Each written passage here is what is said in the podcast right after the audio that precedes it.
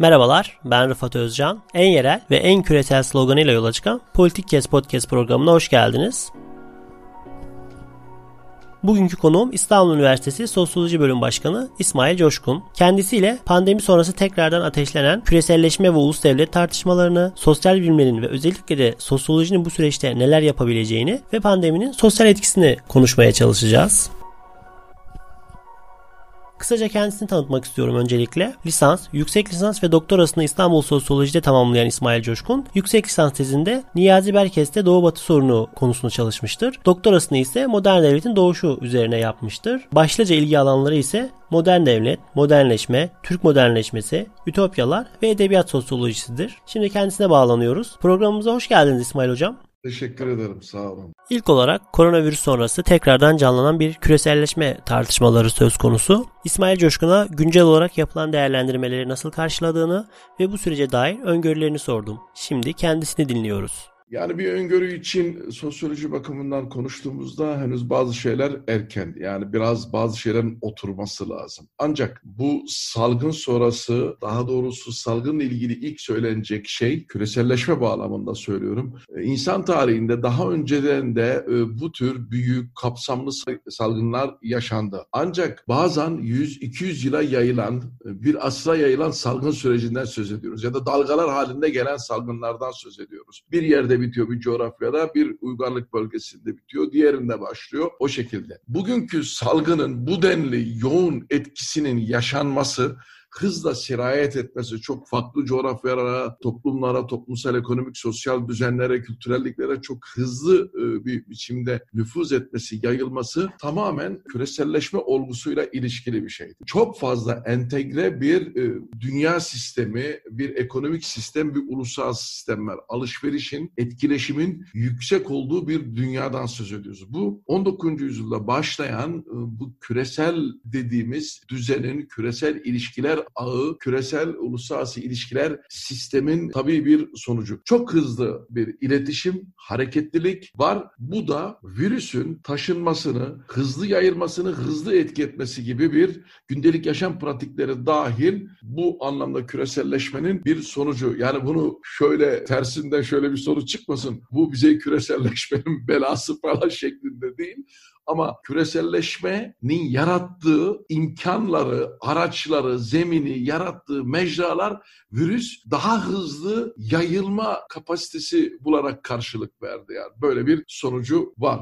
Dolayısıyla birinci söyleyeceğim bu virüste e, ilişkili. İkincisi öngörme vesairesi meselesine e, gelince öncelikle ben çok fazla bu konuda ortaya çıkan tartışmaları hiçbir şey eskisi gibi olmayacak. Yeni bir dijital dünyaya geçiyoruz. Dijital siyaset, yönetme, finans sistemleri şüphesiz bu yöndeki gelişmeler yani bu coin dediğimiz e, parasal süreçlerin vesaire algoritmik şeylerin, robotlar tam bütün bu süreçler yürüyor ama eski paradigmanın, eski işleyiş biçimlerinin ve araçlarının çok radikal bir dönüşüme uğrayacağını düşünmüyor. Hele de bu konularla ilgili çok böyle sosyolojiye, tarihsel perspektife, bilime yakışmayacak düzeyde e, küçük grupların yarattığı bir denge, bir virüs, biyolojik savaş e, ve bunun sonrasında siyasal egemenlik egemenliğin başka türlü güçlendirilmesi gibi tartışmalarını ya da popüler deyişle komplo teorilerine çok itibar etmekten yana değilim. Yani mevcut okumalar e, arasında. İnsanlık daha önce de çok farklı krizlerle karşılaştı. Gerek iktisadi, gerek toplumsal, gerek böyle sağlık sistemler açısından. Bu mevcut uygarlık kapasitesi bu sorunun üstesinden gelebilecek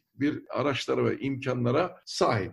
Şu Türkiye örneğini bile gördüğümüzde sağlık sisteminin buna verdiği tepki belli bir başarıyı, belli bir performansı getiriyor. Ben burada iyimserlerdenim ama radikal bir değişiklik beklemiyorum. Hani yepyeni bir dünyaya salgın sonrası Elveda Lenin filminde olduğu gibi uyanmamız vesaire söz konusu olacağını düşünmüyorum. Bir tane öngörülebilir bir şey var. Daha siyasal sistemlerin, siyasal rejimlerin, yönetme biçimlerinin daha daha merkezileşme temayülünün ortaya çıkacağını düşünüyorum. Bunun işaretleri var. Daha fazla merkezi devlet aygıtının, bürokratik, güvenlik, bari yapıların daha fazla merkeze oturacağı, aynı şekilde mali sisteminin merkezileşmesi anlamında bu tür bir şey e, bekliyorum. Henüz salgının bu anlamdaki sonuçları için konuşmak erken. Onu söyleyeyim. Küreselleşme meselesine geçersek bu birkaç son 15-20 yılın bir olgusu olarak karşımıza çıkmış değildi. İki düzeyde küreselleşmenin doruk yapması var ve kurumlaşması var. Bunun birincisi 19. yüzyıldır. Özellikle 1789 Fransız ihtilali, akabinde gelen endüstri devrimi 1800'lerin başında küresel bir uluslararası ilişkiler sistemini, ticari sistemin, ekonomik sistemin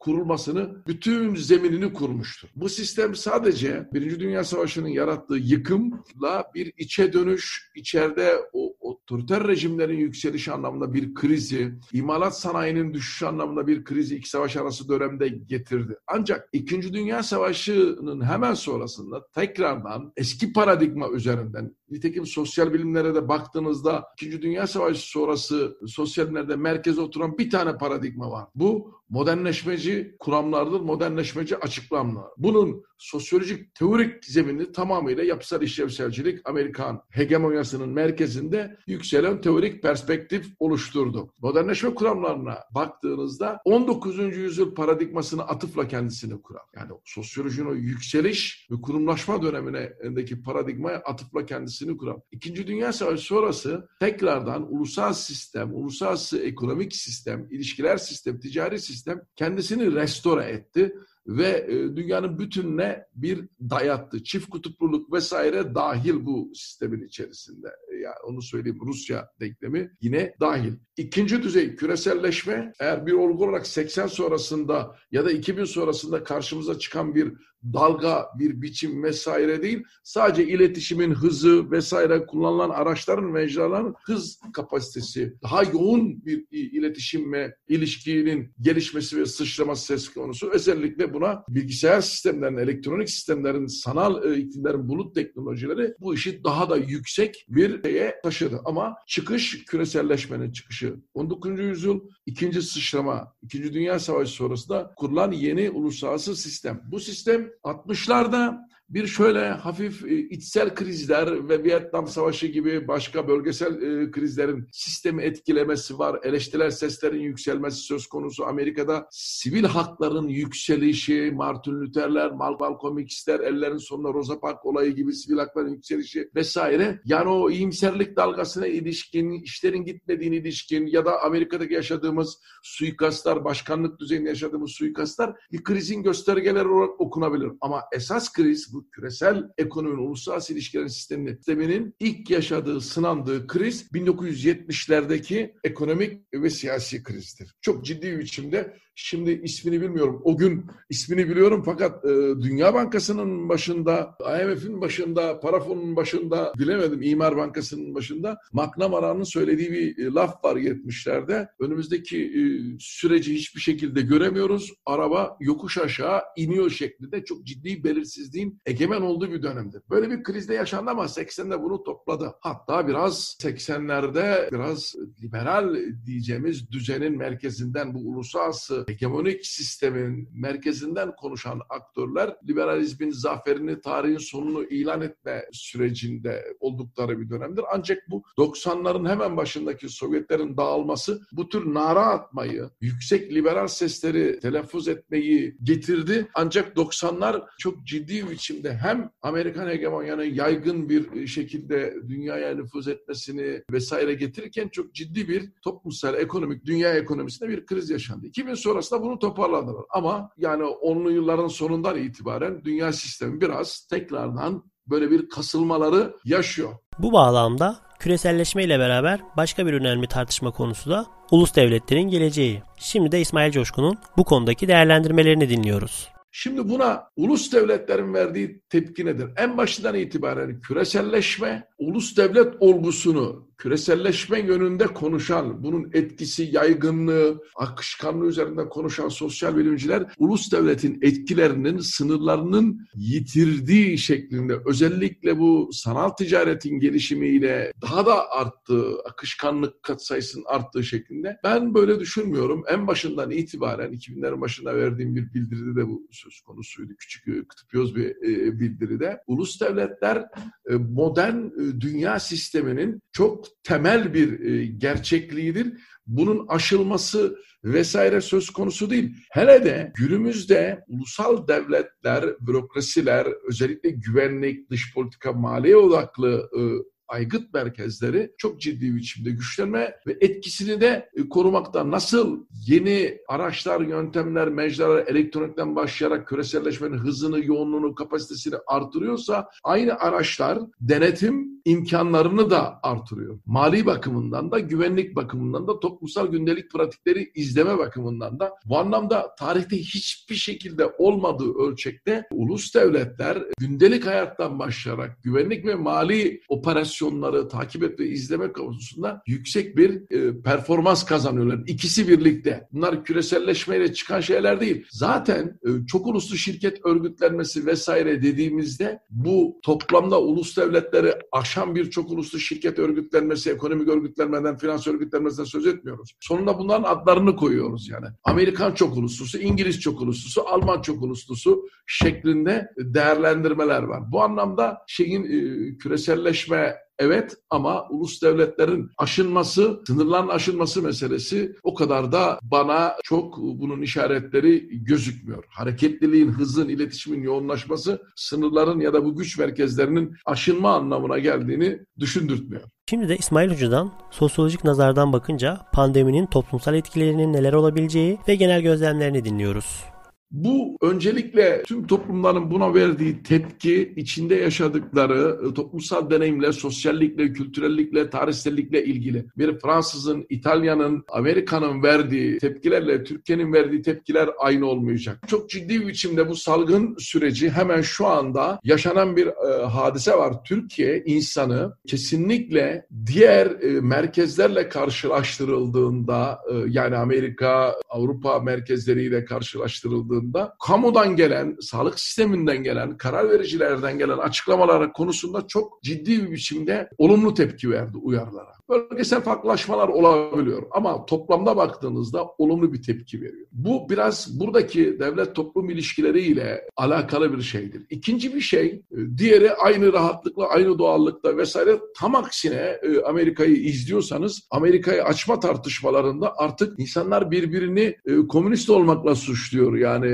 salgına karşı tedbir alınmasını isteyenler diğerleri tarafından büyük e, hayvani bir Range Rover e, Jeep'ten e, çıkarak komünizm istiyorsan Vietnam'a git falan şeklinde eski hatırata 60'lara 70'lere dönen göndermede bulunan tepkiler var. Yani biraz iklimle ilgili yani oradaki denklemde bireylerin dünya algısıyla, siyaset algısıyla, kamu algısıyla da alakalı. Türkiye'de e, bu birincisi bu uyum meselesi e, önemli olduğunu düşünüyorum. Bu yani içinde yaşadığımız toplumsallıkla ilişkisi olduğu anlamında. İkinci bir şey ise kesinlikle salgın e, Türkiye gibi ülkelerde yüksek bir dayanışma enerjisini ortaya çıkardı. Onu söyleyeyim. Bunu bakın iki tane şey söyleyeyim. Sağlık sisteminde tanıdığım arkadaşlarım var. Bir de ben biraz eşimle dostumla yemeği içmeyi seven bir arkadaşım. Çevremde de öyle bilinir. Devamlı gittiğim bir restoran var. Bizim bölümün bölümünde ikramlarını vesaire aldığımız tepe başında Fıçın diye bir restoran var. Daha e, Sağlık Bakanı'nın ilk açıklaması başlamadan kapatma kararı aldı. 70 tane çalışanı var. Kendi çalışanlarına olağan ölçüde sahip çıkmaya çalışan bir işletmeci Leyla Hanım. Birkaç hafta sonra kapatmış olduğu halde İsmail Bey dedi ben mutfağı açıyorum. Sağlık sistemindeki çalışanlarımıza yemek servisi yapmak istiyorum. Benim de tanıdığım başhekimler vesaire vardı bir iki. Onlara bağlantı kurmamı istedi. Yani bu böyle bir yüksek bir dayanışma olgusu ya da bugün dünden itibaren sosyal medyada karşımıza çıkan Samatya'da bir e, Suzan Öcal Hanım olgusu var yani. Yani bizim insanımız Gregorian'ı, dindarı, sağı, solu, muhafazı, ilericisi, seküler fark etmez yani. Bu salgına verdiği tepki yüksek bir dayanışma öyküsü yaşanıyor yani. Onu söyleyeyim. Dolayısıyla dayanışma bağları bu anlamda güçlendireceğini düşünüyorum. Sosyal bilimler ve özellikle de sosyoloji bu pandemi sürecinde nasıl bir rol oynayabilir? Bunu İsmail Coşkun'a sordum. Dinliyoruz. Ben bu konuda e, sosyolojinin henüz yani bir şeyleri yakalama, ön alıcı, tedbirler anlamında sosyolojik mülahazalardan hareketle bir takım tedbir mekanizmaları oluşturması konusunda bunun henüz erken olduğunu düşünüyorum. Bunu ben kuraycılara sağlık sisteminden başlayarak karar vericilerle ilişki içerisinde bunun e, daha yürütülmesi yani sosyolojinin burada görev üstlenmemesi anlamında değil ama sosyolojinin bu sürece ilişkin çözümlemeleri için bir düzenlikleri görebilmesi olabilmesi için sürecin de daha e, yeni yeni oturur hale geldiği bir dönemden yaşıyor. Sosyologlar e, görev alsın, toplum bilimleri kurulları kurulsun ama zaten çok e, hızlı bir biçimde sağlık sistemi, karar vericiler bütünüyle devlet aygıtı buna kilitlenmiş durumda. Biraz araştırmaya bağlı olarak konuşmak zorunda sosyologlar. Araştırmaya da yani çevrim içi sistemler aracında yaptığımız anketlerle bu işleri metodolojik olarak ne kadar yakalayabiliyoruz? Bence soru konusudur yani. Bunun altını çizmek çizmek isterim yani. Sadece belli bir kitlenin olduğu toplamda e, bütünsel örnekleri ne kadar sosyal medya vesaire üzerinden yakalayabiliriz?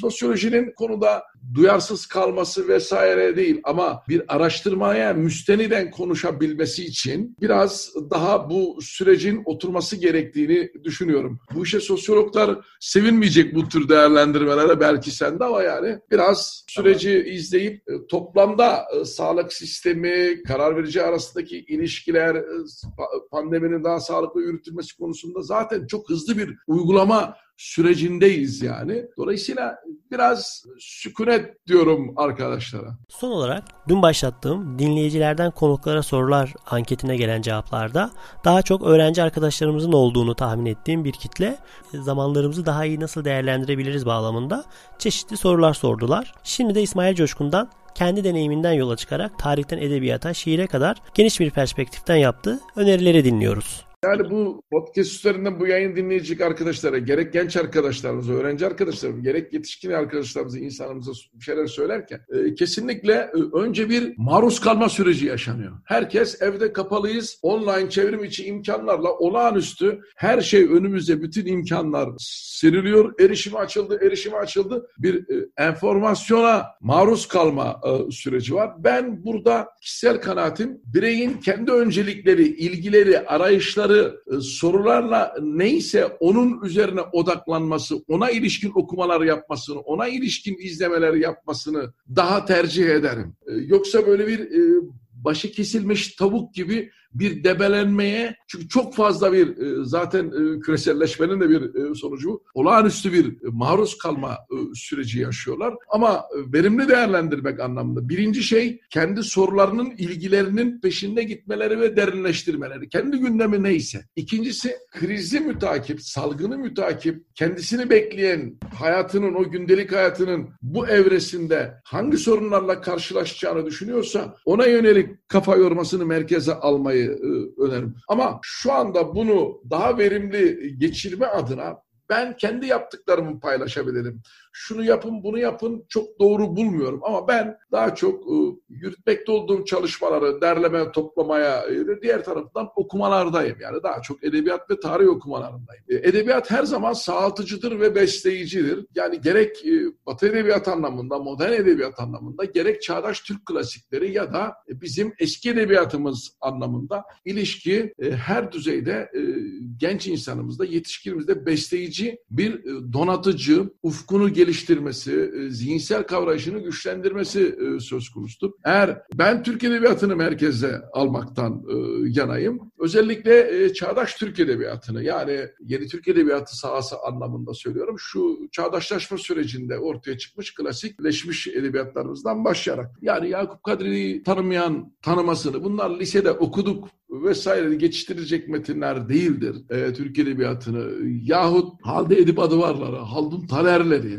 yahut şiirde aynı şekilde yani ikinci yeni öncesi ve sonrasıyla şey değil yani sadece. Ama Türk Edebiyatı neyi okumak dediğinizde ben Türk Edebiyatı'nda biraz bu ara milli mücadele edebiyatına odaklanmış durumdayım. Kesinlikle iki ismi birlikte okumaktan yanayım. Bunların başında Tarık Buğra ile Kemal Tahir gelmektedir. Tarık Buğra'nın milli mücadelenin özellikle Taşra cephesinden, Batı cephesinden izlenmesi açısından Küçük Ağası ve Firavun imanı sonrasında serbest fırkayı anlattığı e, Yağmur Beklerken e, metnini önemserim. Buna paralel bir şekilde milli mücadeleye odaklanma anlamında Kemal Tahir'in Yorgun Savaşçı, cephedir yani. İki, işgal İstanbul'un da Esirşehir'in insanları, Esirşehir'in mahpusu, hemen arkasından İzmir suikastinden aldığı Kurt Kanunu, hemen arkasından gelen yol ayrımı, serbest fırka deneyimini okuduğu, estetize ettiği, yorumladığı e, metni. Sonrasında gelen bu köy enstitüleri tartışmasıyla ilgili kırklarda Bozkır'daki çekirdeği mutlaka okumalarını isterim. Ama klasiklerle ilişki kuracaksa arkadaşlar, e, modern romanla, modern edebiyatla ilişki kuracaksa ben biraz e, İngilizlerden başlamayı öneririm. Yani onu söyleyeyim yani. İngiliz edebiyatıyla başlamak isteyen sonlar, Dickens'lar vesaire anlamında e, oradan önerdim. Sonrasında ben biraz fazla Bazakçıyım yani. Bazı fazla sevdiğim, bir isim. Bazak metinleri e, yani 19. yüzyılda o modern dünyanın oluşumu, gündelik hayat, insan tipleri, yeni ilişki biçimleri, değişen dünyayı vesaire Balzac bize çok iyi verir. Sosyolojide Marx'ın da dönüp dönüp atıfta bulunduğu bir isimdir. Ruslar Ruslar sonra yani e, onu söyleyeyim Ruslar e, bizim gibi hatta biz görece bu süreci daha az hasarlı imparatorluğun kaybı dışında modernleşme sürecine, Batı ile olan ilişkilere, bu yeni küresel modern dünya kurduğumuz ilişkiyi görece onlardan daha az hasarlı atlatmış bir bölgeyiz. Bu ayrı bir tartışma konusu. Ama Ruslar bu süreci ağır yaşadılar. Ortodoksluklarına rağmen yani Hristiyan dünyanın parçası olmalarına rağmen sert bir modernleşme süreci yaşadılar. Tüm modernleşmeden bu Rus romanının zenginliğini de yani beslendiği ana gerilimi de oluşturdu. Dolayısıyla Pushkin'den itibaren Rus edebiyatı çok güçlü, travmatik tarafları da e, olan güçlü bir e, gerilim hikayesi var. Ben orada daha fazla Pushkin biraz sonrasında diğerlerini saymaya şu anda şey yok e, verimli kılma anlamında, kullanma anlamında zamanı. Ben daha fazla Tolstoy'a yakınım yani. Dosto yine aynı şekilde güçlü ama son dönem yani 20. yüzyıla Bolşevik devrimi sonrasına baktığımızda hemen Bolşevik devrimine de katılmış sonra çok ciddi biçimde modern dünya eleştirisi karşımıza çıkan Zamyatin'in bizini ya da Boris Pasternak'ın Doktor Jivagos'unu mutlaka okunmasını isterim. Yani arkadaşlarımıza, dostlarımıza söylediğimiz edebiyat diyoruz, tarih diyoruz, Türkiye diyoruz, modern dünyayı anlamak diyoruz. Hocam çok teşekkür ederim programa katıldığınız için. Son olarak eklemek istediğiniz herhangi bir şey var mı? Teşekkür ederim. Dinleyenlere de sabır diliyorum. Yok hocam gayet güzel oldu. Bence gayet keyifli olarak dinleyecekler. Bizi dinlediğiniz için teşekkürler. Evet. Kulağınız bizde olsun.